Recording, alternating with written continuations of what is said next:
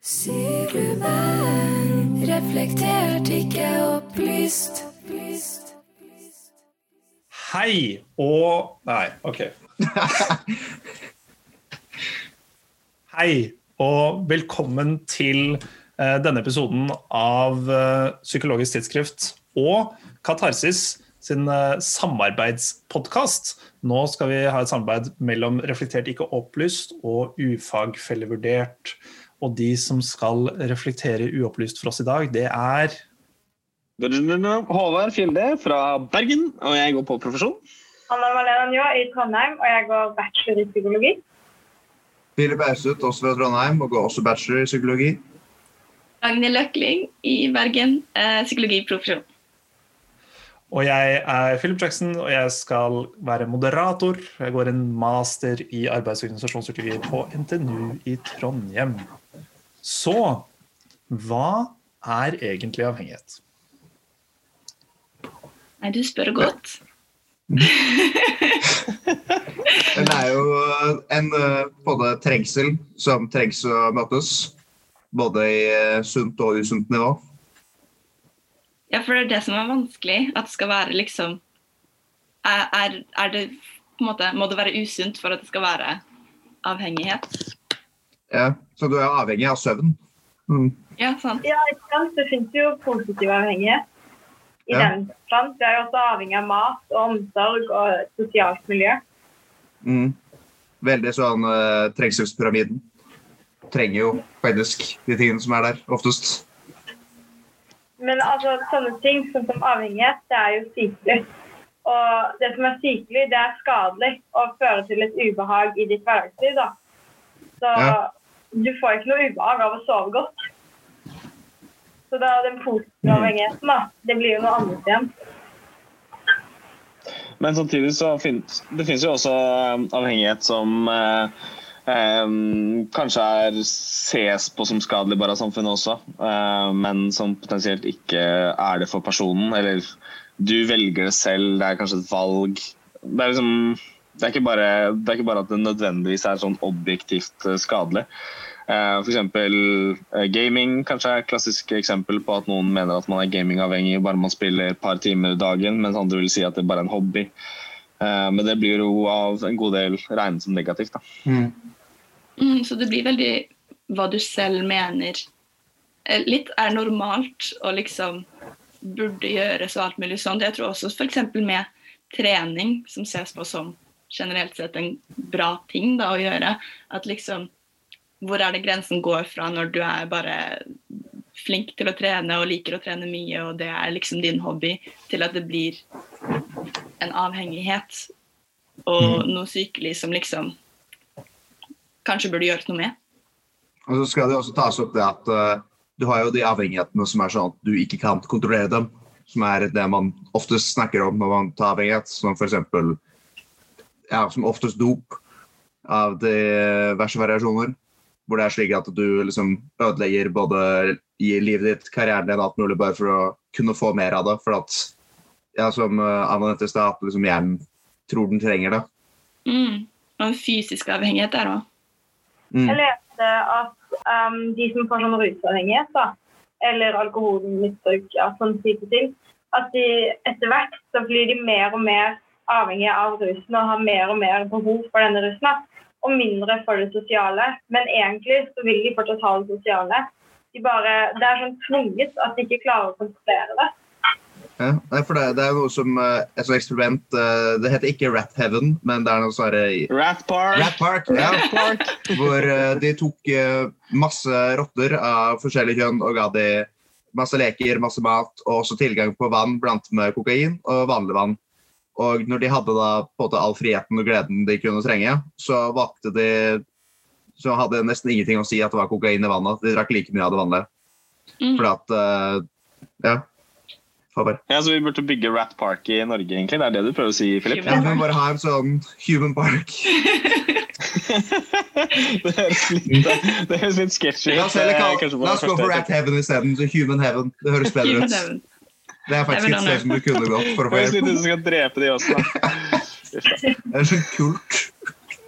Da var det jo også sånn at um, de hadde rotter som allerede var avhengig av disse uh, medikamentene, som valgte Yes. å gå gjennom abstinensene uh, liksom sammen, da. For Ja. å ikke være avhengig lenger når de hadde nok stimulering. De fikk også veldig mye mindre abstinenser, så, så inkludert mindre fysiske abstinenser, som er uh, interessant. Mm. For Det tyder på hvor mye sosialt har å si i forhold til ikke bare hvordan du selv trenger det ekstra liksom, kicket, men også på hvordan kroppen din kan tro, lure deg til å tro at den trenger noe mer enn noe annet. Mm. Og det vises jo litt, eller det, det gjør jo at man tenker litt på sånn hvordan eh, rusmisbrukere og sånt ses på i samfunnet. Det er jo, jeg føler veldig mange har den oppfatningen om at de har gjort disse valgene selv, og nå sitter de der, og dette er deres egen feil. Eh, og de blir sett litt ned på, litt sånn Disse skal vi holde oss litt unna. når det Ut fra dette eksperimentet da, tyder på at man nesten burde gjøre det motsatte, rett og slett. Ja, 100 Så hva er det som definerer en avhengighet som eh, skadelig eller ikke skadelig, da? Og altså, hva er forskjellen mellom kaffe og kokain? Eh, men hvis du spør eh, Freud, for, så hadde det sikkert ikke vært så mye forskjell. Men uh... biologisk Du har et belønningssystem i hjernen. Um, og da gjennom at du tar inn f.eks. kaffen, så får du en god følelse i kroppen. Og hvis du repeterer, så kan du etter hvert uh, lage en avhengighet. Da. Men igjen så er jo ikke kaffe så veldig farlig. Uh, Unntatt at det ødelegger søvnen min sånn. Nei, jeg liker kaffen min best med kokain. Det må jeg jo bare si. eh, hvordan virkelig stå opp om morgenen? Mm.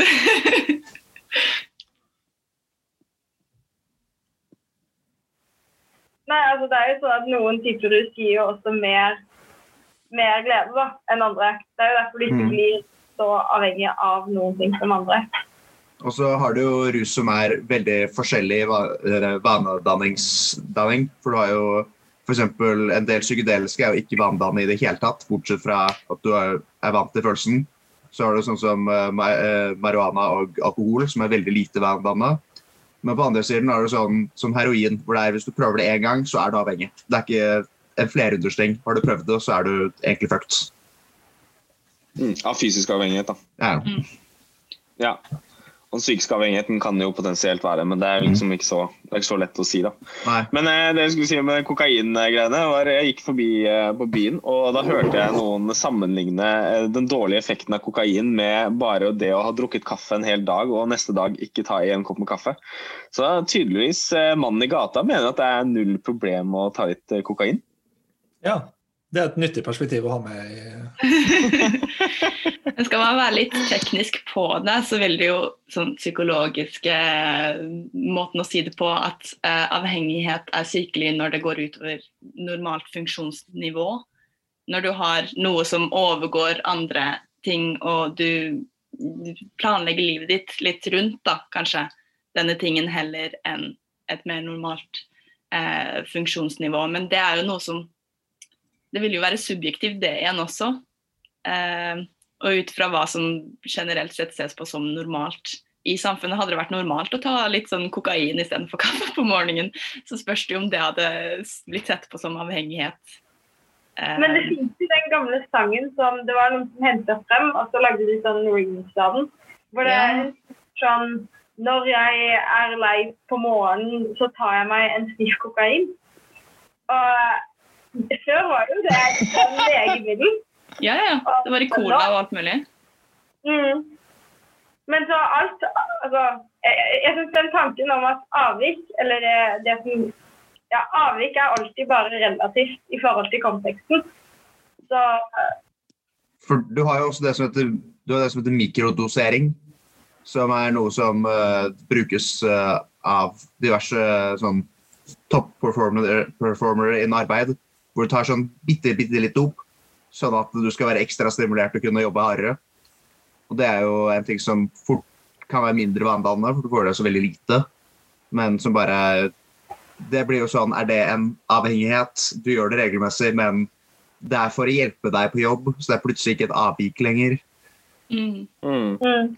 Det høres jo litt ut som sånn alternativ medisin. Du tar bare en bitte liten prosent, og så blir du veldig mye bedre på eh, jobb. Du bare ta 0,2 gram sopp, ikke 2 gram. Det er klart at det er et skille her mellom hva man opplever òg. Hvis man tar et rusmiddel, hvis jeg tar kaffe f.eks., som jeg jo gjør i Psykologisk tidsskrift-koppen min, eh, merch Det veldig skummelt. ut. Noen der anonyme kaffeholikere. ja. Når jeg tar kaffen min, så bruker jeg den spesielle, ikke tracebare koppen min. Når jeg mainliner kaffe om morgenen for å komme opp, uh, så um, Så er det ikke sånn at det nødvendigvis gjør skade. Eh, Men det er også en helt sann ting at hvis det gjorde skade på meg eller de rundt meg, da, for å komme tilbake til liksom definisjonen på, på hva som er patologisk, eh, så er det ikke sikkert at jeg hadde merket det. For jeg føler meg jo bedre. Så jeg har en subjektivt bedre opplevelse. På samme måte hvis jeg tar eh, psykedelika, så har jeg en subjektiv opplevelse at jeg har blitt klokere gjennom å ta den snarveien. Og da må jeg jo fortsette med det. Hvis ikke så kommer jeg til å være litt dummere hele tiden. Det bringer jo et tilleggsspørsmål som er at uh, f.eks. kaffe uh, det kan det jo fungere veldig greit med ut, selv om du tar det hele tiden. Faren min for eksempel, drikker altfor mye kaffe, og han er en, en kul fyr. Men uh, hvis han hadde sluttet å drikke kaffe sånn umiddelbart, så hadde han sannsynligvis vært ganske mindre koselig å være rundt i en periode. Og det kommer da igjen, Er det også et tegn på avhengighet, hvis du ikke kan gå fra stoffet? For det kan man jo også snakke om med folk som er alkoholikere. Så er det jo vist at noen av de fungerer jo rett og slett mer normalt når de har drukket, eh, enn at de er så redusert da, når de ikke har drukket alkohol, at det nærmest kan være lurere for funksjonen deres midt i dette her. da, og drikke alkohol. Og du har jo det med kaffe også, at folk får hodepine, blir trøttere. og liksom, ja, Det er jo dårlig for tennene, det er dårlig for eh, hjertet, tror jeg også. liksom, Så det er jo konsekvenser av kaffe og på en måte abstinenssymptomer eh, av det også. De bare er kanskje ikke like voldsomme som det at du sitter og har kramper og alt mulig sånt. Men du må jo først bygge opp den toleransen. Så for å få det behovet å fungere bedre med kaffe eller alkohol, da, så må du jo først Altså, du starter jo ikke med å drikke alkohol hver dag. Det går jo ikke. Um, det. Det går ikke. Sånn, Jeg prøvde alkohol én gang, og jeg har ikke stoppet siden. Ja, det er sant.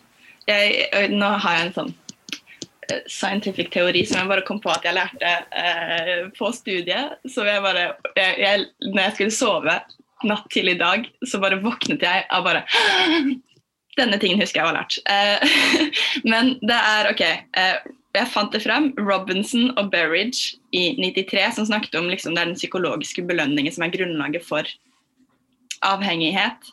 Hvor du har eh, positiv insentivverdi, altså det du forventer eh, Den forventede effekten, da, den forventede nytelsen av hva nå enn du tar, eller på en måte, ja. Eh, og den hedoniske verdien, altså den faktiske nytelsen du opplever, hvor du får to forskjellige sånne systemer med wanting, som er hvor, hvordan du forventer at eh, medikamentet eller hva nå enn den effekten du forventer du kommer til å få, og liking, som er den reelle effekten, hvor de ikke alltid er i helt balanse. Så du forventer en mye større effekt enn den du faktisk får når du tar medikamentet. Både pga. toleranse og eh, hva nå enn, som ofte da fører til økt sug, og at du tar mer og mer og blir mer og mer for høyere og høyere toleranse, og at det blir en sånn ond sirkel da, på det som jeg syns var veldig interessant når jeg lærte om det, det med at du liksom forventer en så fantastisk opplevelse som kroppen rett og slett jobber deg mot da, ved at du blir mer og mer for høyere og høyere toleranse. Ja. Det, jeg, kan, liksom, jeg kan ikke si at jeg har prøvd heroin, men uh, jeg har prøvd snus. Uh, og Jeg jeg føler Nesten det samme. det kanskje ikke er Du kan helt ikke, du kan ikke si at du har prøvd heroin, men du har prøvd det. Ja, altså, noen ville kalle snus, uh, noen type snus heroinsnus, men det er en annen sak.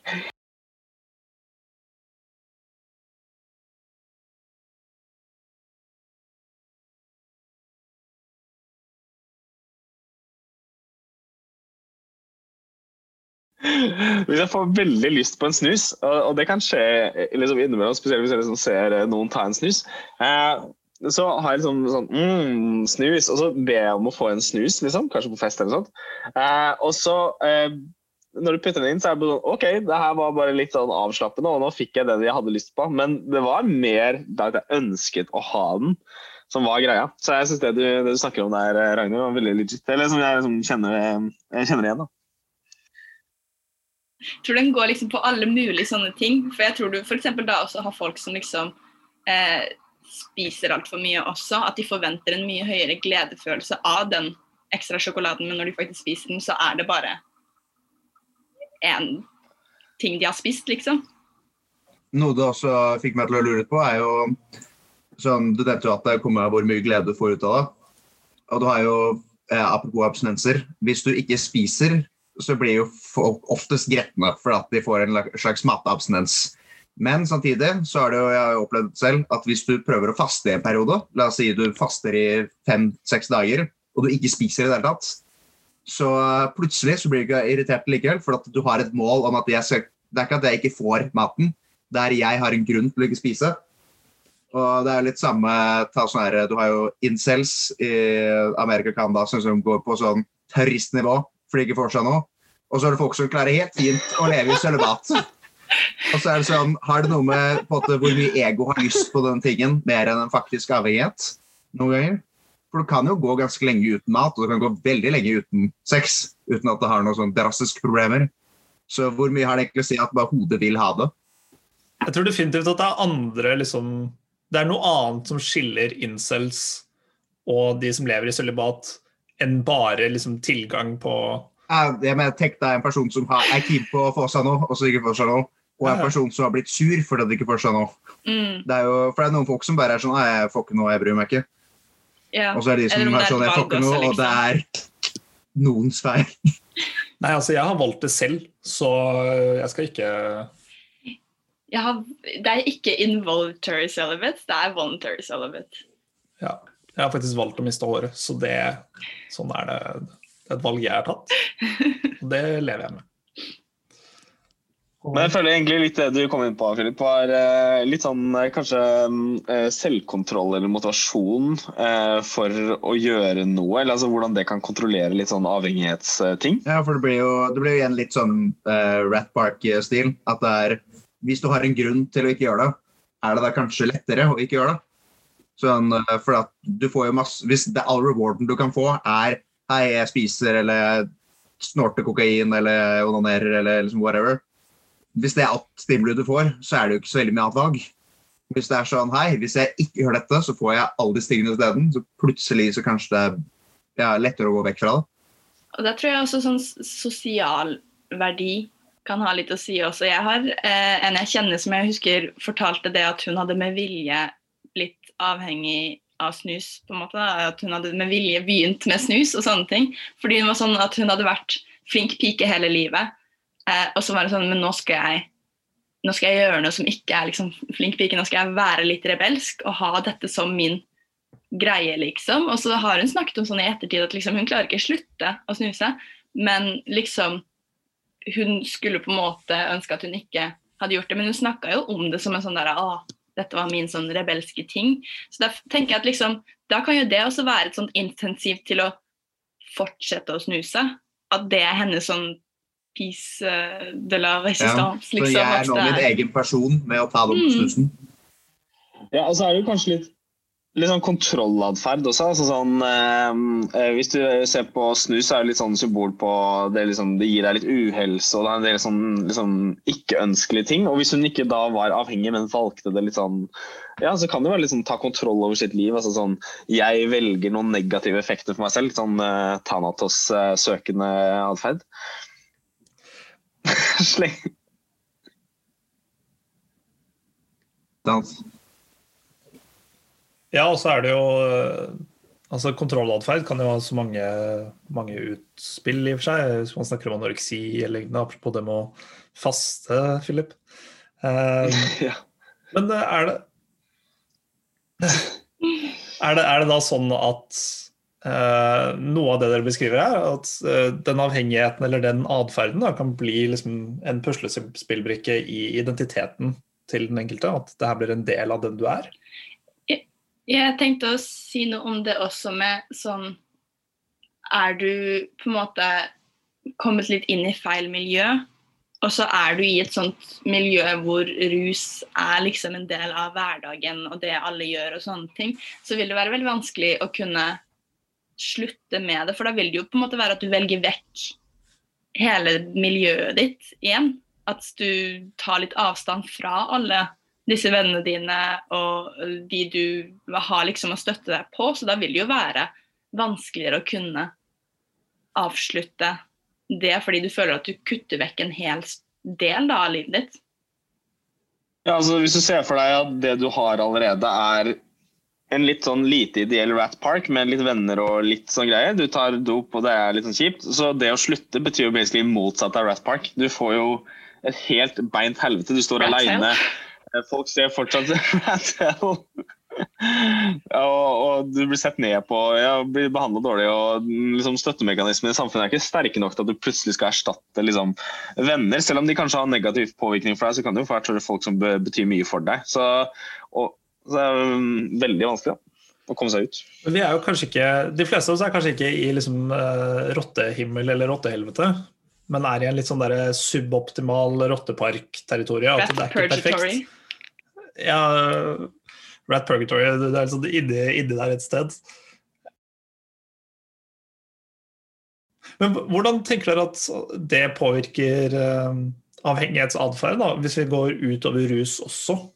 Altså utover rusmidler som sånn, er det andre ting vi kan bli avhengig av, og som kan eh, forme livene våre på godt og vondt? Det er jo sånn i starten, det med uh, gamingavhengighet. Eller sosiale medier, da. Det fins en eh, superbra ny film på Netflix som heter um, The Social Dilemma.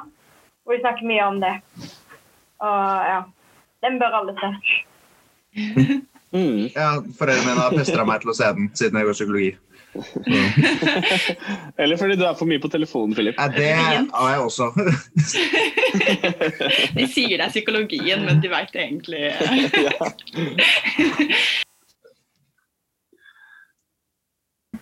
Det de sier i den filmen som er så spennende, det er at de mener at alle disse sosiale mediene de har ofte psykologer som jobber for dem. For da å faktisk få folk til å bli avhengige av media. Sånn at de har sånn push-varsler eller på noen kanaler. Når man scroller, så slutter de aldri. Det er aldri sånn at du må reloade siden for å kunne fortsette å se. Så det er jo en dårlig måte, da. Det er jo det de kritiserer i filmen, at eh, sosiale medier og spill har gjort. F.eks. Fortnite er jo lagd og sånn at du skal få sånn belønning av hvert nye level du kommer i.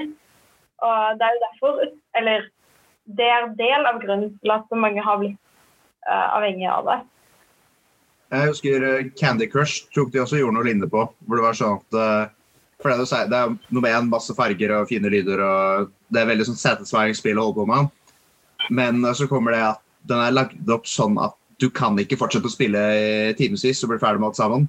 Du kan maks spille så og så mye, og så tar de det fra deg og liksom tar uh, high ditt. Og da må du enten vente eller betale mer, og det bygger en sånn uh, dopaminsyklus som gjør at du blir mer og mer hekta på det. Ja, det syns jeg også er så sykt at liksom, du har så mange spill hvor du starter med starter med sånn at du får liksom Å ja, nå har du disse uh, Candy Bucks. Jeg, jeg har aldri spilt Candy Crush, men at, du, at du starter med liksom eh, noen goder, da. Som er sånn der, å, nå kan du bruke det på dette og dette, og dette, og så kan du spille og får masse sånn levels up og kommer deg langt av gårde, og de bare Wow, du er den beste spilleren vi har hatt, liksom. Og så stopper det, hvor du har liksom Du får masse, masse, masse belønning, og så er du allerede på en måte inni det når de kutter deg av. Da. Du ser det i så sykt mange spill at du har en sånn liksom, At de bare dytter deg utfor en sånn hoppbakke, og så plutselig midt i lufta så er det sånn Ja, you're on your own, og da, du, da er du allerede på en måte i luftsetet da. Og det er, ikke, det er ikke bare spill engang. Det er også på, jeg vet at på Tinder Hvis man Ja, det, ja, det Hva slags spill er det du snakker om nå? The game. The game. The Game.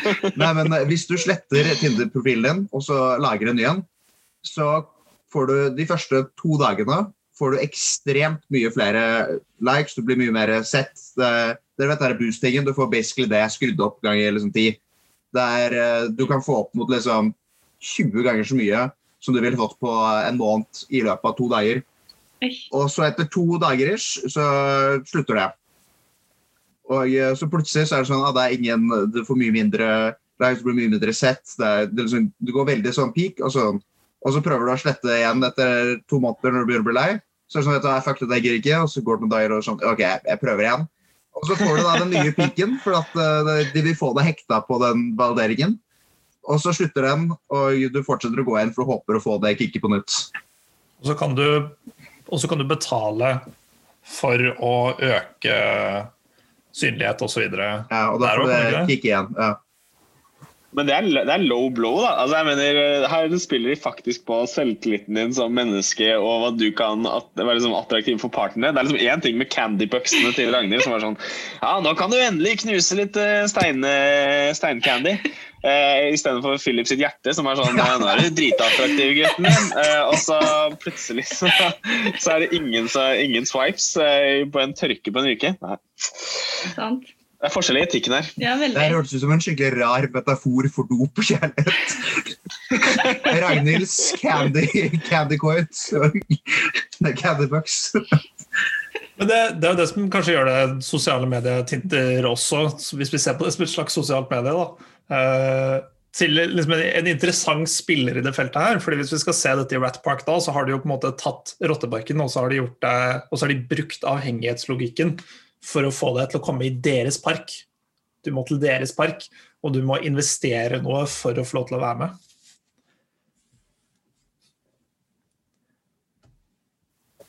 Det er som Man må betale for å liksom være med. Da. Altså, du, sånn, du, du gjør dem avhengig av et, en ramme som gjør at du fungerer. Altså, det er sånn som jeg forstår fra Jackson, at det var liksom, eh, her har du et sett med spilleregler, og så lenge du betaler og og er med på dette spillet, så føler du deg bra. Så det er en slags avhengighet av et system da, som får deg til å føle deg bra og stabil. Da. Så lenge du følger reglene deres, så, så, så føler du deg grei. Og du er kanskje ikke avhengig av andre ting. Da. Ja, så investerer Men er du så også, du investerer også tid. Tid og innsats osv. Det er jo det, litt av det samme som man ser i, i spill, sånn som Candy Crush eller andre litt sånne eh, gratisspill hvor man kan betale for å fortsette å være med. At du har jo lagt så mye tid inn i det, så da kan du jo legge inn 20 kroner også, liksom. Bare for å liksom få det lille ekstra. Da kan du vel kanskje bli litt avhengig av reglene og det sosiale også. Sånn, jeg, nå, det første jeg tenkte på, var sånn ku- kulter. Hvor du på en måte har dette sosiale fellesskapet og er veldig avhengig av at alt er sånn. og liksom Jeg, jeg har jo aldri vært i en kult, må jeg bare si akkurat nå. Men liksom sånn, det er jo sånn typisk i sånn filmer og sånne ting at liksom du kommer inn og så gjør du noe feil, så er det liksom the greater good. og liksom folk Du må følge reglene, og gjør du det, så får du liksom det fantastisk som fellesskap, og alle elsker deg, og du er en del av det, liksom. Og hvis du går imot det, så blir du liksom utstøtt eller drept da, i de fleste filmer. um, skik skikkelig random, men jeg så en analyse om at uh, Cats-filmen slash musikalen handler om uh, en dame som, eller en katt som da blir indoktrinert, er det vel, inn i en kult. Oh, ja. Hvor da bygger det opp med at det er sånn uh, du, du er først på Det er at hun blir kasta ut eller noe, jeg har ikke sett filmen, den så helt jævlig ut. Men at hun blir kasta ut eller noe sånt, og er da på gata, og så kommer det plutselig en gruppe og er sånn Hei, vi har liksom ressurser og venner, og vi kan hjelpe deg. Og så kommer hun da til et sted hvor det er sånn skikkelig stort og bra, og alle drikker og fester og danser, og det er eh, ti av ti. Og så er det én person i år eller noe som blir sånn tatt av gårde i en luftballong, og da kommer sånn til himmelen eller to the great beyond eller ja, the promised land. Det er sketchy. Ja, og, eh, men hvis du ikke følger reglene og ikke følger uh, hovedkatten sin uh, orden, så plutselig er det et problem. Og du kan ikke gå ut av denne ringen når du først er inne. Så det er veldig sånn ja, avhengighetsdannende samfunn. Ja, fordi tingens kulter er jo ofte at du er veldig avhengig av de som er i kulten. Altså, hvis man skal si at kult er type Man kan jo sammenligne kult da, med religion. Uh, typ jødedom, ortodoks jødedom er jo ganske streng. Og hvis du går ut av den, så blir du utsatt av hele samfunnet. Og Det er derfor du er avhengig av å fortsette å følge de reglene. da. Du Jeg tror det er en viktig presisering opp mot det med sekter. at Noe av det som kjennetegner det, er at hvis du ikke følger reglene, eh, så mister du Så blir du kastet ut av parken, da. For å bruke rotteparkeksempelet. Eh, Du får lov til å bo i. Du får lov til å bo i verdens beste rottepark, men bare så lenge du følger reglene. Og bare så lenge du også ofte ikke liksom, har for mye kontakt med noen fra utenfor parken. Mm. Du skal ikke ha venner utenfor gruppen osv. osv. Jeg liker at Ragnhild sa at hun ikke hadde vært med i en kult, men eh, hun har jobbet eh, for Disney i USA. Eh, Det vil jeg si er en av de største kultene som vi har. Jeg kan ikke snakke om dette her. Jeg har skrevet under et par papirer for å få lov til å dra hjem. Musen kommer og tar meg. Rat Park er egentlig Det er Mikke Mus. Mikke som er på toppen. Det er Rat Park, Disneyland. Disney Parks. It's all connected. The conspiracy is real. Disneyparken er det ekte Rat Park. Det er mye kokain i vannet der. Kanskje bare er rusavhengige som har jobbet der. Ragnhild, har du en forhistorie? Eh, Det er derfor du fikk eh, jobbe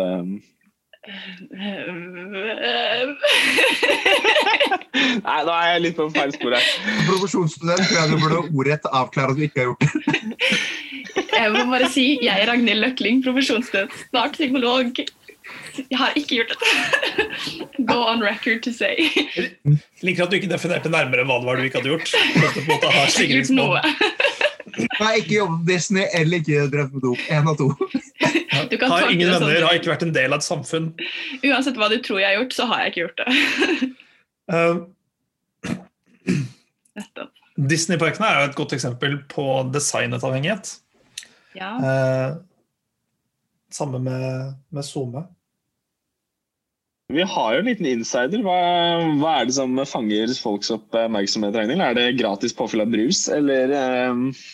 Det, det er jo veldig interessant, for jeg husker jeg snakket med liksom, Jeg jobbet der bare et år, Um, men sånne folk som hadde jobbet der mye lenger, uh, snakket jo om det at de tenkte at når prisen gikk over 100 dollar per person bare for å komme inn i parkene, så trodde de at folk ikke kom til å komme lenger, men folk kommer jo fortsatt, fordi de har klart å lage en så stor liksom, greie ut av det at Disney er liksom Disney, da.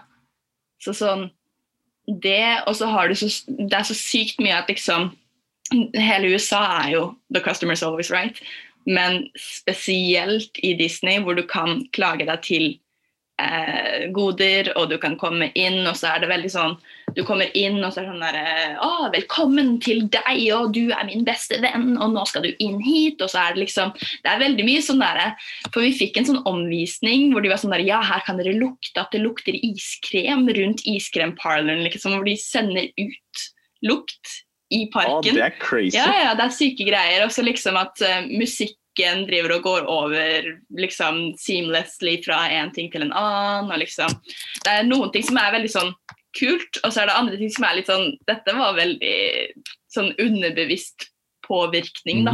Ja, Av, Det er jo ja, ja. ja. Eh, Det er en sånn eh, public speaker som heter Simon Senek. Eh, Han har Ja. en veldig kjent TED-talk som heter The Power of Why. Hvor han snakker bl.a. om hvor, hvordan er det Apple utklasserer alle andre tech-firmaer. Til tross for at produktet deres er ganske like alle de andre. Det er, sånn. det er, det er ingenting som gjør en Mac eller eh, iPhone betraktelig mye bedre enn en vanlig PC. Mm. Og det han tar opp, er eh, Vet ikke 100% hvor nøyaktig eller riktig dette er. Men at uh, du har jo liksom Du har uh, lizard brain, primate brain og på en måte den moderne hjernen. Og han sier at uh, i den moderne hjernen er der, der ligger språk. Lizard brain har ikke språkferdigheter, den har bare følelser. Så hvis du først tror noe med følelsene dine, så kan du ikke bli overtalt eh, liksom, logisk. Så et firma som kommer og sier hei, denne PC-en her er den har bra speks, den har bra lagringsplass, bla, bla, bla, her er fakta, hvorfor du kjøpt den? Kjøp den. Da, det blir sånn, ok, maybe. Men så kommer det et annet firma og sier hei, vi har en drøm om å forandre verden av å putte oss vårt innprint på historien. Vil du være med på det? Vi har laget et produkt. og så plutselig er du veldig emosjonelt investert. Og det er samme om du er religiøs eller om du har en eller annen rar politisk orientasjon eller whatever. Det er jo veldig ofte at man er sånn poli eller emosjonelt investert i det. Og da klarer du ikke å Altså, du er snakke dem til Mac-avhengig, Nei, du klarer liksom ikke å snakke snakke deg til følelsesmessig språk. Ja, for du kan ikke snakke deg til å overtale noe følelsesmessig. Og det blir det samme også på avhengighet, at hvis du først er hekta på et eller annet, så funker det ikke å bare logisk forstå at du ikke må gjøre det. Du må liksom emosjonelt forstå at du ikke må gjøre det. Ja, jeg kom på den derre Den husker jeg også jeg fikk høre i forelesning. Sånn derre dilemma hvor du har to søsken som det, Jeg tror det var sagt at det var i Frankrike, så det var teknisk sett lov, liksom. Men de var søsken, og de var begge som concerting adults, og de bestemte seg for at de skulle være sammen. Og så er det liksom Det er lov i lovene, liksom. De er begge voksne, de har liksom begge bestemt dette sammen.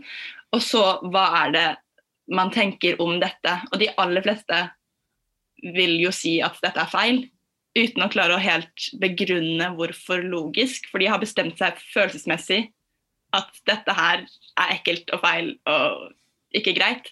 Men teknisk sett så er det jo på en måte lov, og de er voksne og har tatt et valg sammen. og liksom Bakgrunnen er at det ligger ingenting på en måte feil i det, annet enn at man føler det er guffent, liksom. Og evolusjonært sett så er det jo ikke riktig. Fordi du får jo, du får jo høyere eh, mutasjonsbyrde, da. Som vil si at du blir raskere syk. Du, Ja, men jeg tror det var noe greier at det var bare sex. Det var liksom ikke noen mulighet for noe barn eller noe sånt også. Nei, men det var, det var liksom alle ting folk sa, da så var det sånn at ja, men dette skjer ikke, på en måte. Ja, for det bringer opp hva hvis det var eh, to homofile brødre. De, de kan jo ikke få barn uansett. Da er jo plutselig det alternativet ikke på bordet lenger. Ja, sant. Det er spicy samtale. Jeg er litt spent på hvordan dere skal eh, liksom ro dette inn på avhengighet. Hvordan skal vi Det råde er veldig mange å være avhengig av søsken. er det vi snakker om.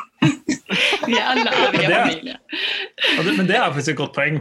At kanskje noe av det som forårsaker den uroen, er fordi vi har en sosial avhengighet, og vi har en tilhørighet til familien, vi har en avhengighet til den søskenrelasjonen. Hvordan i all verdens navn og rike skal du klare å ha en type gjennomgående frivillig relasjon, eh, romantisk relasjon, som bør kunne avsluttes når som helst, med noen som du er så tett knyttet til? da. Altså Du får en helt annen type terskel for å avbryte enn det du ellers ville hatt.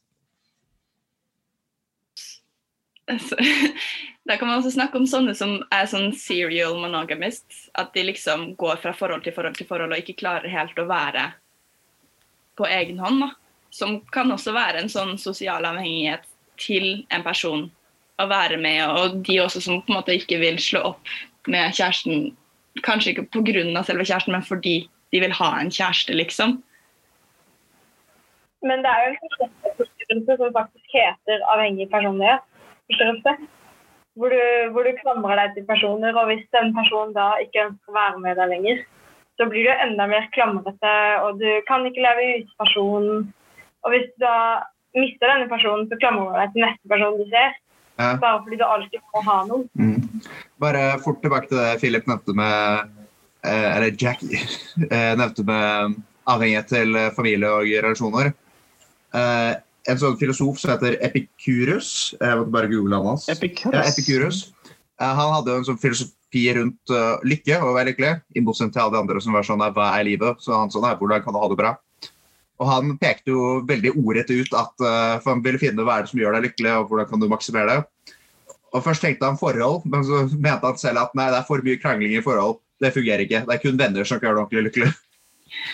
Så da fort kommer det litt hvor, eh, hvor nærme kan du være partneren på forhånd? Som, hvis det er søskenet ditt.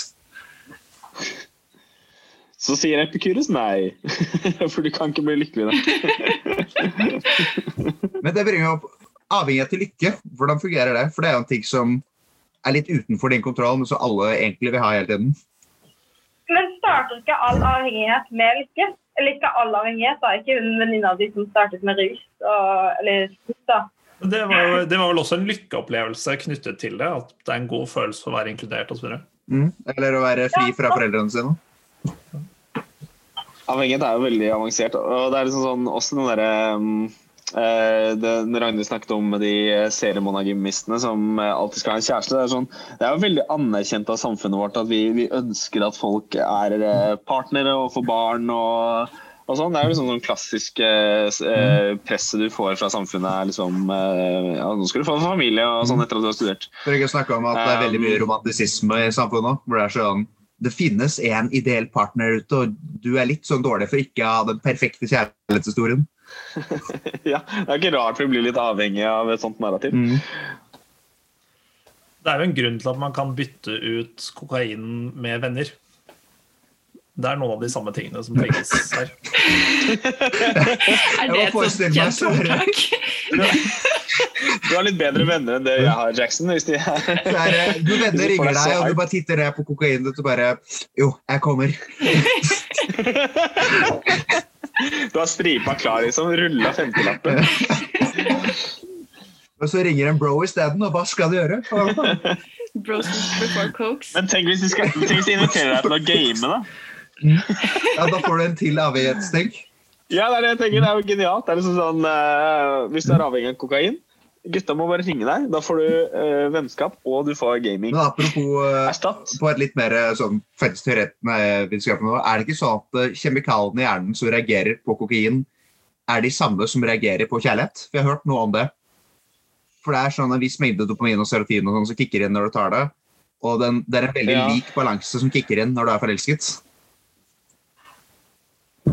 Det kan hvert godt fall når du er avhengig. Ja.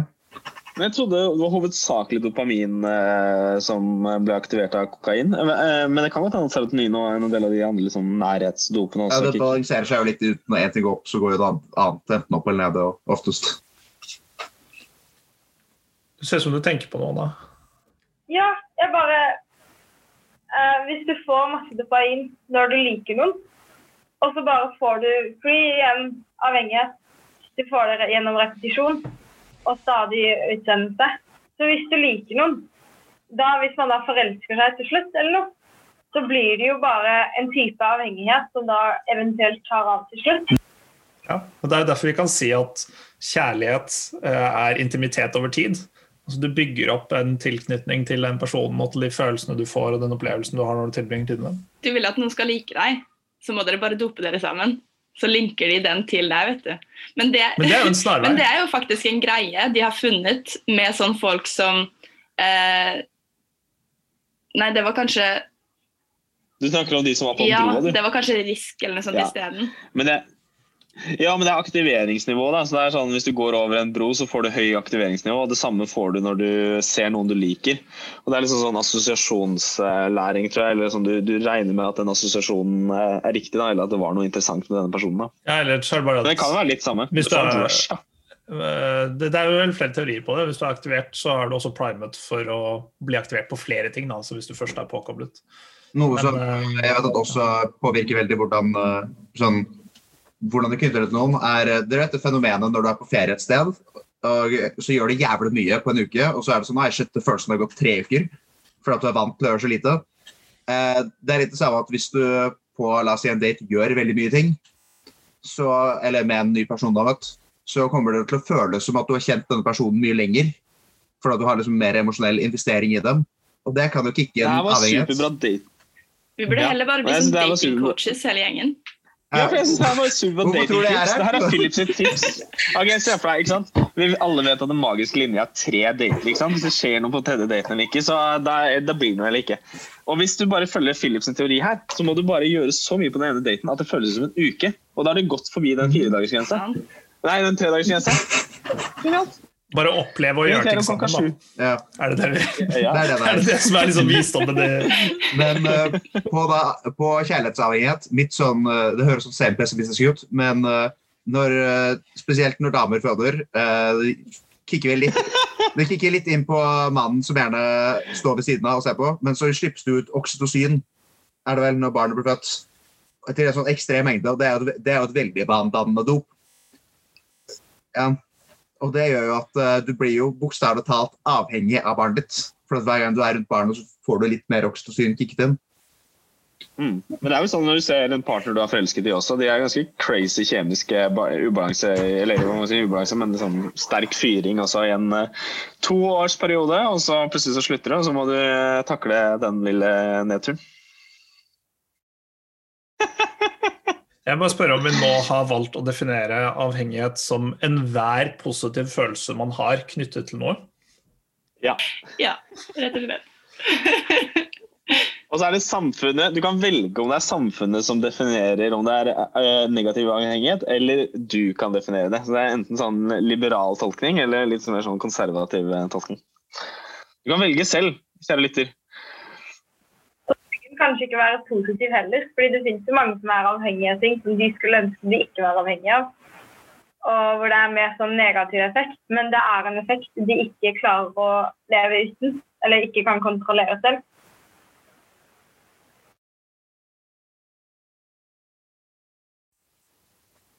Blir det ikke da fortsatt en positiv effekt at du ikke klarer å gå uten det positive? Som hvis du overspiser, f.eks., så er det gjerne at du vil ha mer av det positive, men du vil ikke ha resultatene av det det gir deg. Jeg tror det finnes avhengigheter hvor du egentlig ikke vil ha stoffet eller atferden selv, men hvor det gir deg noe tilfredsstillende i det at du vet at det er gjort. Ja, ja sånn er det. Ja. Men vi har ikke, vi har, eh, vi, en, en del av den eh, definisjonen som vi kanskje mangler, er jo litt den derre eh, når du gjør noe for å unngå noe, sånn unngåelsesatferd og sånn. Eh, man blir jo også litt avhengig av slike typer. Eh, spesielt hvis det er noe som gjør deg kanskje engstelig, da, og så gjør du noe som du kanskje ikke egentlig har lyst til å gjøre, men altså f.eks. ikke gå til et sosialt sted, eller noe sånt, og så unngår du situasjonen. og Det føles deilig å slippe unna, kanskje, men så er det sånn, det, er noe, det var ikke noe positivt for deg. Det var ikke noe du tjente på det. Du angrer jo kanskje i etterkant på at du ikke gjorde det også. Da kan man nesten begynne å snakke om OCD og sånt også. Det er jo kanskje ikke de samme mekanismene, men der er det jo sånn at du får, Det blir en slags liksom noe du føler du må gjøre for at noe skal skje eller ikke skal skje. Eh, som du Du vil ikke gjøre det. Det er ikke noe fantastisk ved det, og det er ikke alltid det er en sånn liksom, Om det er det at du skal banke tre ganger, da, så er det ikke alltid det er nok en gang. Du må fortsette med det. Um. For det bringer opp et interessant tema som er, er det, kan det være noen dopavhengige som i hvert fall kommer inn på det med tvangstanker? At det er sånn, at hvis jeg, en ting er hvis jeg ikke får kaffekoppen min, så funker jeg ikke.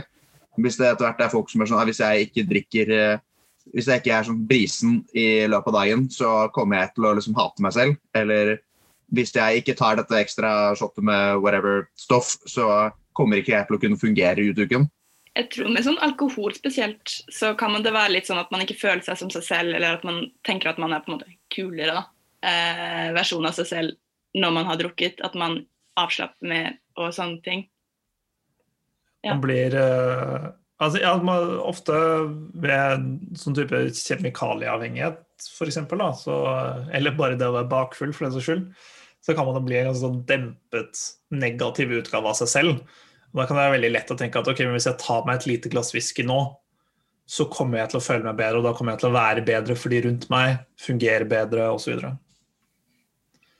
Akkurat så klassiske liksom, eh, ja, Hvis du er litt redd for en annen eh, prestasjon eller sånt, eh, så har jeg hatt eh, i hvert fall en kompis som eh, eh, tok seg eh, kanskje og drakk et par pils eh, før det. da. Og For å unngå det ubehaget av um, å, å holde prestasjonen eller um, ja, det heter jo liquid dette purge av en grunn. Så. ja. Men han får jo en fordel ut av det, så det er jo noe positivt der også. Altså sånn, han, får, han, han begrenser ubehaget, og det er jo en god følelse. Uh, men han vil jo kanskje ikke egentlig altså Det er jo ikke det å drikke ølen som er det som var uh, det målet. da. Så den, eh, kanskje den avhengigheten av uh, alkoholen er jo kanskje ikke helt sånn Det er jo ikke det han har lyst på, men han har lyst på den effekten som kommer etter. Da. da blir det jo kanskje en sånn avhengighet i det at han tenker at det var grunnen til at det gikk så bra forrige gang. Så derfor vil jo det være noe lurt å gjøre neste gang også, for å passe på og være sikker på at det kommer til å gå bra denne gang, og så blir det en rundgang på det. Ja, da er du tilbake på OCD og på kontrollbehov og tvangstanker.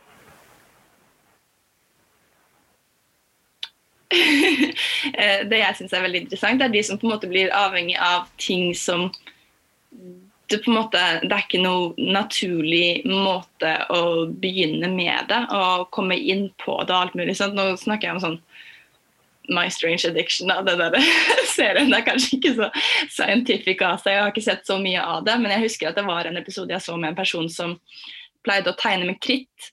Og det der støvet som faller ned når du tegner med kritt, drev og spiste det.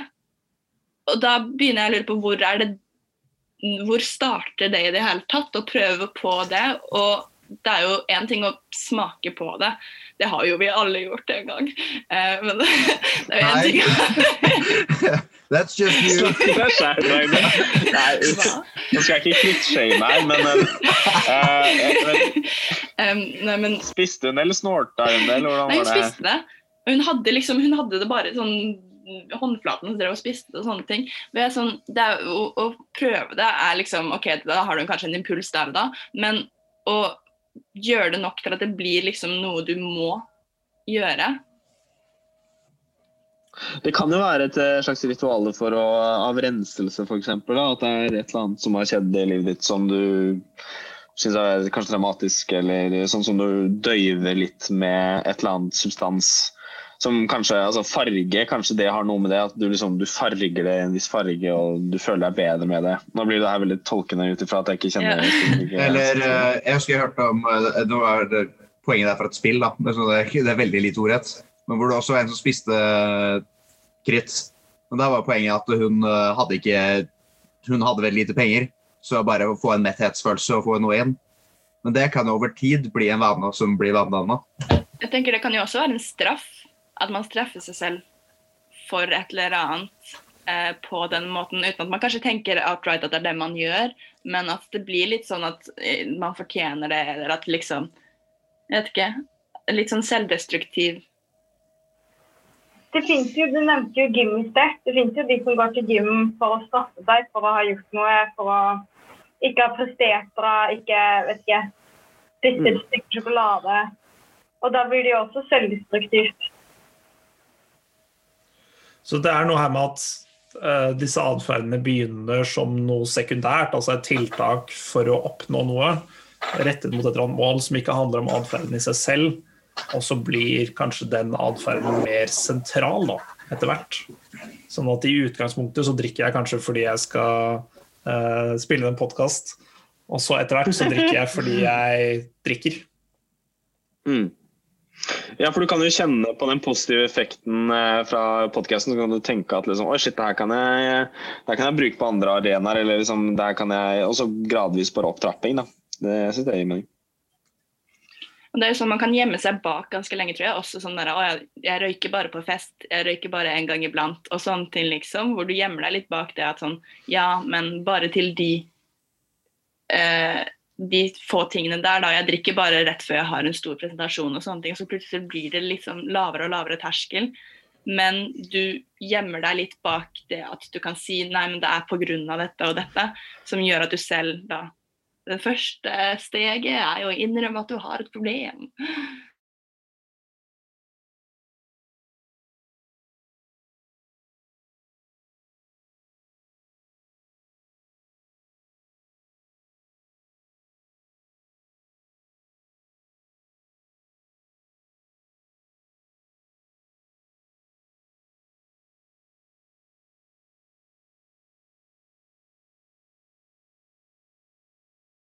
Det minner litt om eh, det hun venninnen din til stad, som prøvde, begynte med snus pga. Uh, å klare å liksom konkurrere, dytte ut eh, familien, eller å være fristående.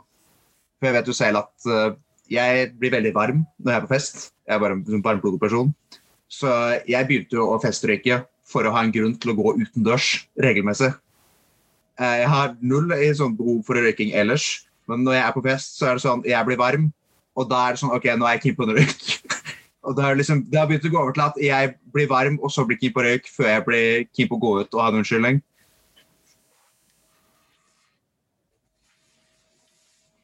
Du hadde veldig godt poeng, Ragnhild, med at man starter gjerne på fest. Og så blir det en vane du mister ja, kontroll over. Men hva er det som hindrer eh, det til å bli en vane? For Det er det som er litt spennende. for det er liksom sånn, Jeg har eh, festsnust eh, og tatt et par festrøyk siden jeg var altfor ung. Um, og jeg har fortsatt ikke blitt avhengig av snus eller røyk. Uh, og for den saks skyld ikke alkohol heller. Men det er jo mange som er mer, altså, har større sannsynlighet genetisk sett for å bli avhengig. Ja, absolutt.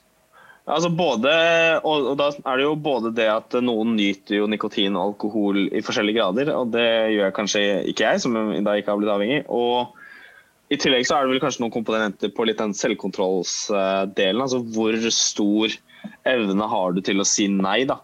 Eh, altså ja, jeg, altså sånn, jeg vet jo at jeg blir noen ganger mer avslappet av å drikke alkohol.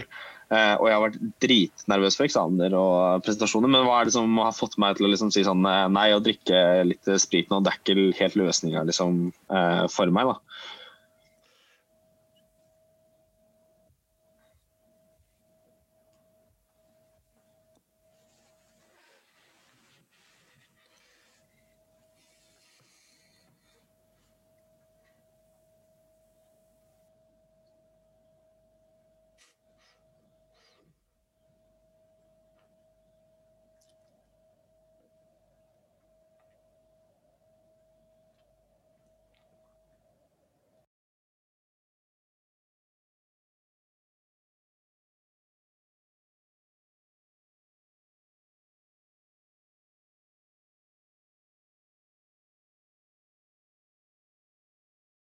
Det er jo et altså enda et godt eksempel på at det som ofte anses som negative tingen altså Som ofte så definerer vi noe som negativt når det er suboptimalt opp mot det målet man egentlig vil oppnå.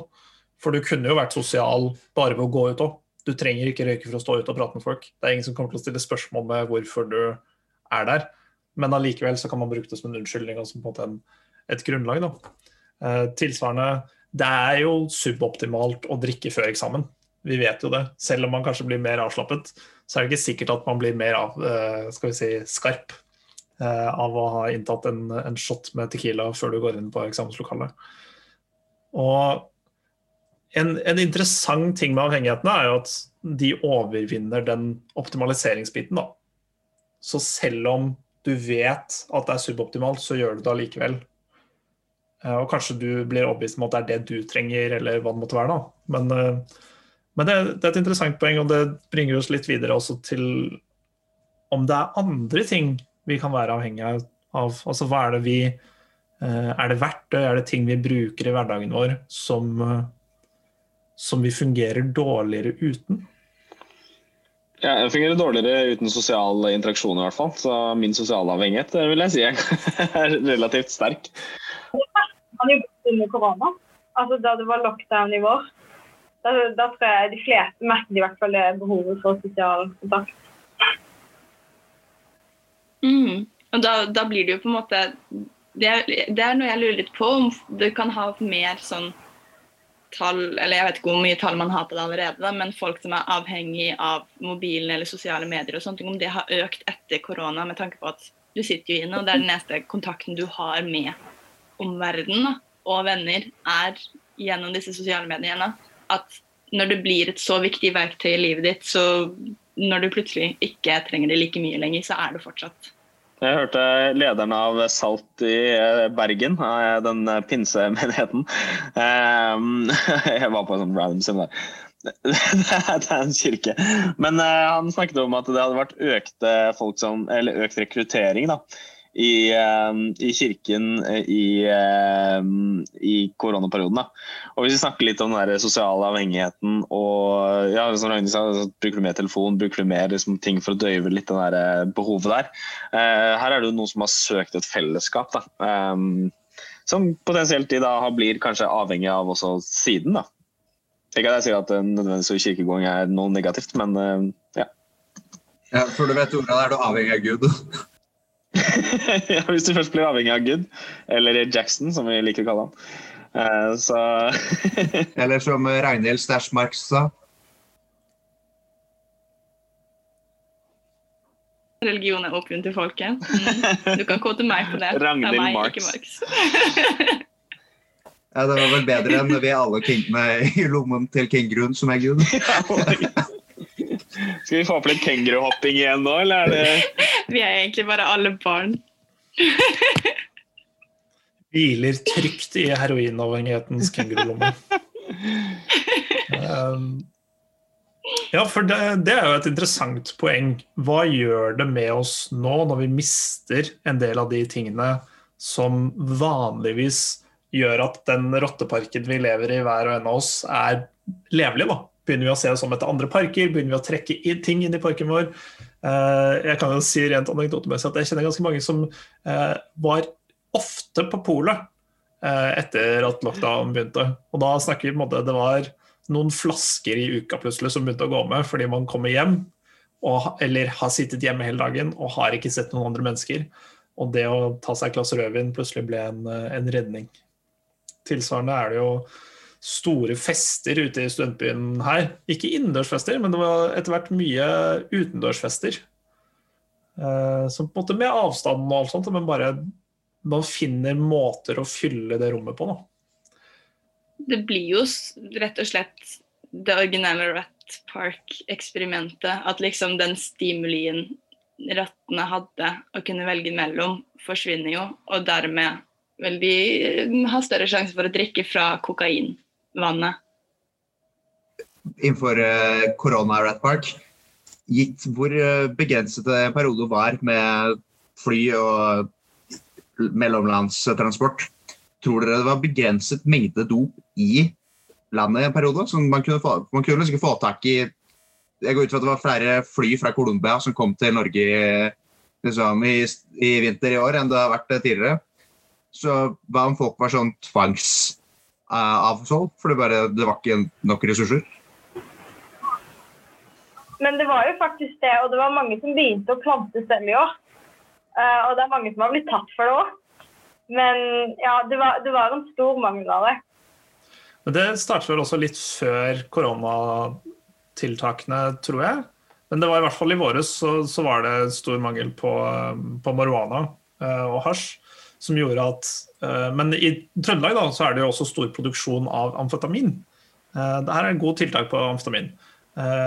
Til tilgang på amfetamin. Så det var en del som da begynte å det her er egentlig bare sånn promo-greier. Sånn eh, forresten, er du ute etter en eh, litt av en retur? Merch!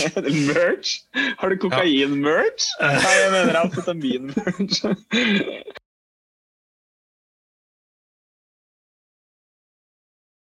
Utfordringen er at eh, en del som da kommer og skal ha hasj, ungdommer og sånn, som skal kjøpe hasj, får heller tilbud om noe annet, fordi det er det de har.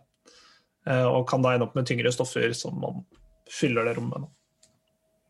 Det jeg også har hørt, er at det er mer av det urene. At du på en måte du får ikke inn lenger det som på en måte man er sikker på. Så derfor er folk litt mer risky på det og eh, kjøper ting som de ikke er like sikre på, og du får mer urent liksom, dop på markedet. Jeg har også hørt en del om det i, i Oslo, hvor det er sånn at for spesielt Marana er veldig lite vanedannende. Jeg tror det er en åttendedel av vanedannheten til alkohol, så det er ekstremt lite vanedannende. Men hvor de blander veldig vanedannende stoffer inn i det for at du skal bli med hekta.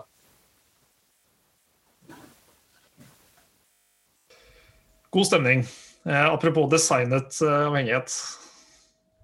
Så dette er så, så det du sier er at uh, dealerne i Oslo er litt som Facebook. Det er basically det vi sier. Jeg skal gjerne at jeg kjenner ikke egentlig noen dealere, og jeg tror hvis jeg hadde kjent noen at ikke De kan være Det du egentlig sier at. Jeg kjenner ingen som selger ulovlige rusmidler i Norge. Du gjør det selv. Lovlig sagt, så må jeg si det. Kjenner du deg selv, Philip? Men, Det som uh, er positivt. det er jo sånn Nei, Vi kan, vi kan jo snakke Vi kan snakke så negativt vi vil om Oslo, for vi har jo invitert Oslo-podkasten. Eller jeg vet ikke om det finnes engang. Her sitter vi liksom Bergen, Trondheim Hvor er Oslo? Jeg har ikke peiling. Eh, ja, da vet vi hva vi skal klippe. Uh, også ubrukelig gruppe. Det er noen ting som eh, vi blir avhengig av uten at noen prøver å gjøre oss avhengig av det. Eh, Det er noen, eh, altså Jeg vet at jeg i hvert fall har blitt helt avhengig av det å kunne skrive ned ting og putte ting i en kalender. Eh, Jeg fungerer mye, mye dårligere i min hverdag uten en kalender, fordi jeg husker ikke når noen ting er.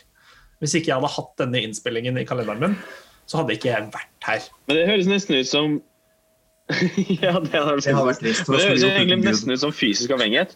Altså, eh, Kalenderen har blitt som ditt alkohol. Altså, det er sånn, når du ikke har det lenger, så får du faktisk ikke sånn fysisk symptom. Du føler deg faktisk ganske shit. Fordi du glemmer avtalene dine. Folk hater på deg. Altså, mener, det er sånn det er ikke det, det jeg vet, Du får sikkert litt sånn følelse av litt sånn engstelse også, da, når du plutselig skjønner at du har bare helt ikke orden på hva du skal gjøre i morgen og sånn. Men, men du, du, du kjenner ingen skam. Du kjenner null skam. Ok, Hvis du kjenner null skam, så er det jo faktisk bare fysisk avhengighet. For da, det er sånn, du, mennesker, Det har vist seg at mennesker, når vi eh, skriver ned ting og bruker sånne hjelpemidler, at vi er dårligere på å huske ting. Så du kunne jo potensielt vært bedre på å huske disse tingene hvis du ikke hadde hatt det her. Men nå er du jo helt lost, for du har vært så avhengig av mobilen din sikkert siden du var 15. Men vi er jo avhengig av mange ting som blir eh, sett på som vanlig. da. Sånn som dere snakket om i sted, snus eller energy drinks er mange avhengig av. Og det, det blir jo igjen for å figurisere som kaffe. eh, avhengighetsskapende. Men Ja. Jeg syns det er så interessant å tenke på liksom, hvordan folk rett og slett liksom, Hjernen deres fungerte annerledes før mange sånne verktøy som det der. Før du hadde kalender, så måtte du jo bare huske alt sammen. og liksom, Det er jo så på en måte lett å snakke om som bare tilbake når foreldrene mine snakker om når de var på ferie før nett og sånne ting, og før man kunne ta kontakt med hverandre og sånne ting, hvor de sa, sa sånn her OK, ja, eh, vi møtes utenfor Eiffeltårnet den dagen, den tiden. Og så må man bare på en måte huske det og møte opp uansett hva, for hvis ikke så finner man ikke hverandre igjen, liksom. Eh, Levde foreldrene dine før man kunne skrive ned Vi De møttes i steinalderen. Der var det liksom sånn det. date. Det var sånn Hulen! De drev og hugga det begge to. Så var det litt tungt å bære alle disse tavlene. Men, nei, men liksom sånn det at du på en måte Nei, jeg tuller. Du hadde ikke karta, du hadde liksom ikke måte å kommunisere med hverandre på. og liksom sånn, Hvordan de da sikkert var flinkere på å orientere seg enn jeg noensinne kommer til å være, siden jeg bare kan finne det på Google Maps, studier på liksom. at desto mer du bruker Google Maps, desto dårligere blir ditt kart i hodet. Og Der er det også interessant eh, å huske på det at Men du kan jo bli like god, Ragnhild, hvis du bare bestemmer deg for å øve på det. Det syns jeg vi skal gjøre nå. Ragnhild, du Ja. legger vekk telefonen din eh, resten av uka, så kan vi snakkes. Dere finner meg aldri igjen. Det blir Men det- sånn forsvinningssak. Går opp et fjell og bare sånn, å, her er Det bare gikk seg vill. Men det bringer jo opp avhengighet til teknologi, er jo også en type avhengighet. Sånn, det, jeg og en venn hadde en diskusjon på det nylig, at eh, det er noen menneskerettigheter eller menneskeverdier som er ganske viktige, som f.eks. privatliv og sånne ting. Men du ofrer jo de rettighetene for å kunne ha en praktisk telefon. Så har du jo sagt fra deg alt privatliv, og du er posisjonert konstant og sannsynligvis semi-overvåkt konstant. Og du tok jo opp uh, han godeste Elon Musk. uh, hva enn folk føler om han. Det varierer gjerne. Han driver og foreslår noe sånn, å ha en sånn chip implant i hjernen, så du kan streame musikk eller noe sånt i hodet. Og det er bare Da kommer inn den Det er jo så, det er skikkelig ikke innafor, egentlig. Sånn det borderline jo til en skrekkepisode av Doctor Who. Men når kommer det punktet at det er så teknologisk convenient å ha det at du er villig til å si opp menneskeverdien din? Når blir teknologiavhengigheten så stor at liksom, du selv gir fra deg dine verdier og dine standarder for å kunne være en del av samfunnet? av Elon Musk. Og han sier bl.a. at mobilen din det er en forlengede arm. Du kan ikke leve uten den lenger. Det er, mister du en arm, så er det krise. Mister du mobilen, så er det krise. Og han mener da at denne Neuralink Mm. da, som du refererer til, uh, som kan gjøre mye mer enn bare å spille musikk. Du kan også f.eks. få andre ferdigheter som du ikke har hatt før, eller bli et bedre menneske, huske mer, ha all informasjonen bare i hodet. Som høres veldig spacey ut nå, Mm. men jeg tror det Jeg, er mer, eh, jeg får mer sånn 1984 Ja. Thought Police her, jeg, for å være helt ærlig. Som bare nei, Du tenker nå noe som ikke er, som er for antikapitalistisk. Sånn så bare popper den, og så er det der. Men du tenker den som veldig spacey, men for 100 år siden Ok, For 40 år siden så hadde du istedenfor denne så hadde du kamera, du hadde stor mobil, du hadde kanskje faks, du hadde notatbok, du hadde kalender, du hadde kalkulator. Og jeg tror at i fremtiden så blir det mye sånn at vi blir mye mer avhengig av teknologi. Men Ja. ja, for det er det jeg mener. For det er, jeg digger den, men uh, hadde jeg kunnet, så hadde jeg blitt kvitt den. Fordi at jeg kan, men da er du plutselig veldig dysfungerende i det eh, den moderne det er verden. mye sånn Det er nesten et krav. Jeg tror det er mye sånn teknologi og liksom fremgang som kan på en måte skje litt sånn at de gjør det fordi å, nå skal vi gjøre det enda bedre og enda kulere. enda mer sånn Uten å alltid tenke helt på konsekvensene. Det var jo noe med sånn folk som fikk eh, sånn insulin som de kunne koble liksom til da med Bluetooth. En eller annen sånn greie at Da kunne de få sånn automatisk insulin og sånne ting gjennom å koble til med Bluetooth og bestemme sånne ting. Men med Bluetooth så kan hvem som helst koble seg til. Så det var en greie at folk kunne koble seg til og gi dødelige doser med insulin til folk bare ved å koble til en random Bluetooth-greie. Eh, Jeg kan ikke hele den der så utrolig godt, men jeg husker at dette har blitt Mm. liksom tatt opp at det kan bli for tilgjengelig og lett igjen. For hacking er jo et, kommer alltid til å være en ting som eksisterer. Så en ting er liksom ah, nei, noen gikk på telefonen min og så på porno jeg lagret uh. Men eh, hva hvis noen går inn i liksom den chipen som er koblet til hjernen din og er sånn Ja, nå skal eh, jeg slette liksom Eller nå skal jeg plukke ut bankkontoinformasjon og eh, konstant bombarde deg eller med liksom reklame. Traumatiske liksom får en minner. og sånt. YouTube-reklame er hvert femte sekund du lever liksom, resten av livet. Da hadde Mm. Denne timen her er sponset av Blade Channel Men Jack, det er et veldig interessant spørsmål i sted om uh, denne avhengigheten blir del av din identitet. Og med Neuralink blir den jo på en måte det, fordi den er Ja. bokstavelig talt fysisk del av deg. Man kan jo argumentere for Mm. at mm. smarttelefonen allerede er en del av din identitet. Og alle de sosiale mediekontoene. og alle Du mistet forresten bildet, former- former deg ut fra. Eh, Jeg var lei av å se på ansiktet mitt, dvs. Si kameraet mitt gikk tom for strøm. Det var kameraet som var lei av å se på ansiktet ditt. Kameraet mitt var lei av å se på sitt. Det er veldig, Enten veldig det, eller så er det en av dere som har cracket på dere inn på Ragnhild er systemet mitt. hacker girl. Hun bare snakket om å, Bluetooth, Ja, og så var det bare en sånn distraction. «Din kode sender til Jackson. Det er veldig bra. Kan ikke expose meg sånn, Håvard. Så uh, vi har vært innom litt sånn Hva er avhengighet? Er det alltid skadelig? Eh, hva vi Hvordan vi kan designe ting for å være avhengighetsskapende. Uh, lever vi med en del avhengigheter Ja. nå? Ønsker vi å leve med dem eller ikke? Apropos Philip, uh, ditt eh, behov for å beholde smarttelefonen. Og Mm. Et uh, hate-love-forhold med Ja, med så jeg har vært litt opp og ned og rundt i ring. Så lurer jeg på hvordan ser dere avhengighet nå? Etter den praten, Hvis dere skal definere avhengighet kort, hva er det som er det viktigste med avhengighet? Kan ta, en én, eller? Ok, Stemme intro. ja, nei, jeg skal bare si jeg er veldig arrogant, så jeg har ikke lært noe som helst. Ja. Jeg har bare samme definisjon fortsatt. Vil du gjenta den? Nei, jeg tror ikke jeg var med Eller jeg husker jeg var med å definere. Um, men eh, jeg tror Jeg vet ikke. Det kan godt hende den har utvikla seg mens vi har vært her. Men uh, uh, sånn som jeg så på det Jeg tror jeg snakka litt om det midt, eh, midt i et landsegment her. Men uh, at det er um, opplevelser som er både gir deg positive belønninger, men også unngåelse av kanskje negative belønning, eller negative hendelser. Og litt sånn satt i systemet om det er noe som blir sett på som negativt av samfunnet, eller om det er noe som blir sett på som negativt av deg selv. Og så kan det være en forskjell mellom de to, som handler litt om hva det er som er viktigst kanskje for deg. da, Om samfunnet ser negativt på det du gjør, eller om det er du selv som ser negativt på det du gjør. Og det er det som bestemmer om det er liksom en negativ um, avhengighet, eller om det er en positiv avhengighet, eller om det er en helt tolererbar avhengighet. Ja. Ja, jeg tror det er mindre bare negativ avhengighet òg.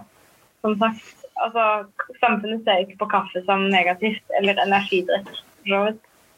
Hmm. Så jeg vil at det er, det er som en belønning, enten mens de gjør det, eller tanken av at de gjør det, eller at du får belønning av å ha gjort det, som da mister kontroll over, slik at du har en trang til å gjennomføre denne handlingen, da.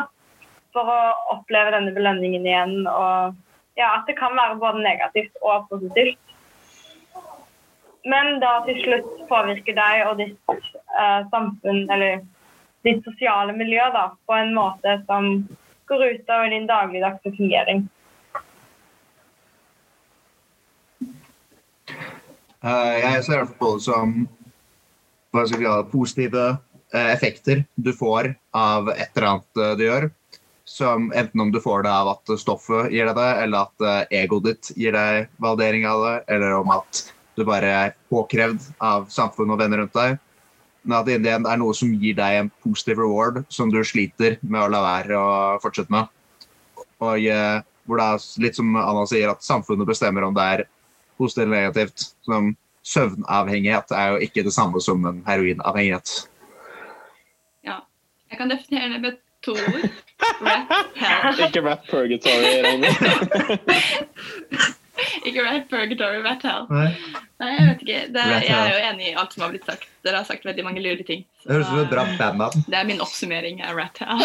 Så vi har eh, et positivt eller negativt rottehelvete ut fra eget sinn eller samfunn med eller uten belønning som påvirker hverdagen din. For en eh, oppsummering. Ja.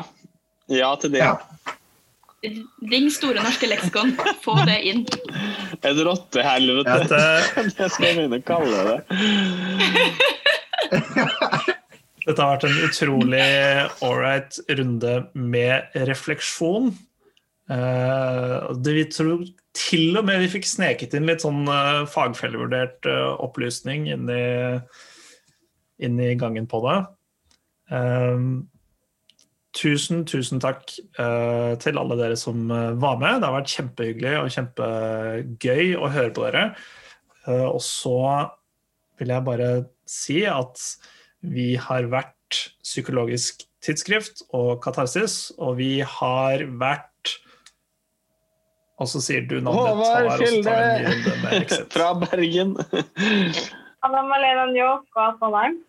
Philip Auseth, også fra Trondheim. Dagny Løkling fra Bergen. Og Philip Jackson, også fra Trondheim. Og hvis du vil eh, lese mer om eller lære mer om psykologisk tidsskrift, så kan du gå inn på psykologtidsskrift.no. Hvis du vil lære mer om katarsis, så katarsisuib.no. Eh, Vi har hatt det kjempegøy. Vi håper dere har hatt det gøy med å høre på, og velkommen tilbake neste gang. Venn, reflektert, ikke opplyst. Lyst.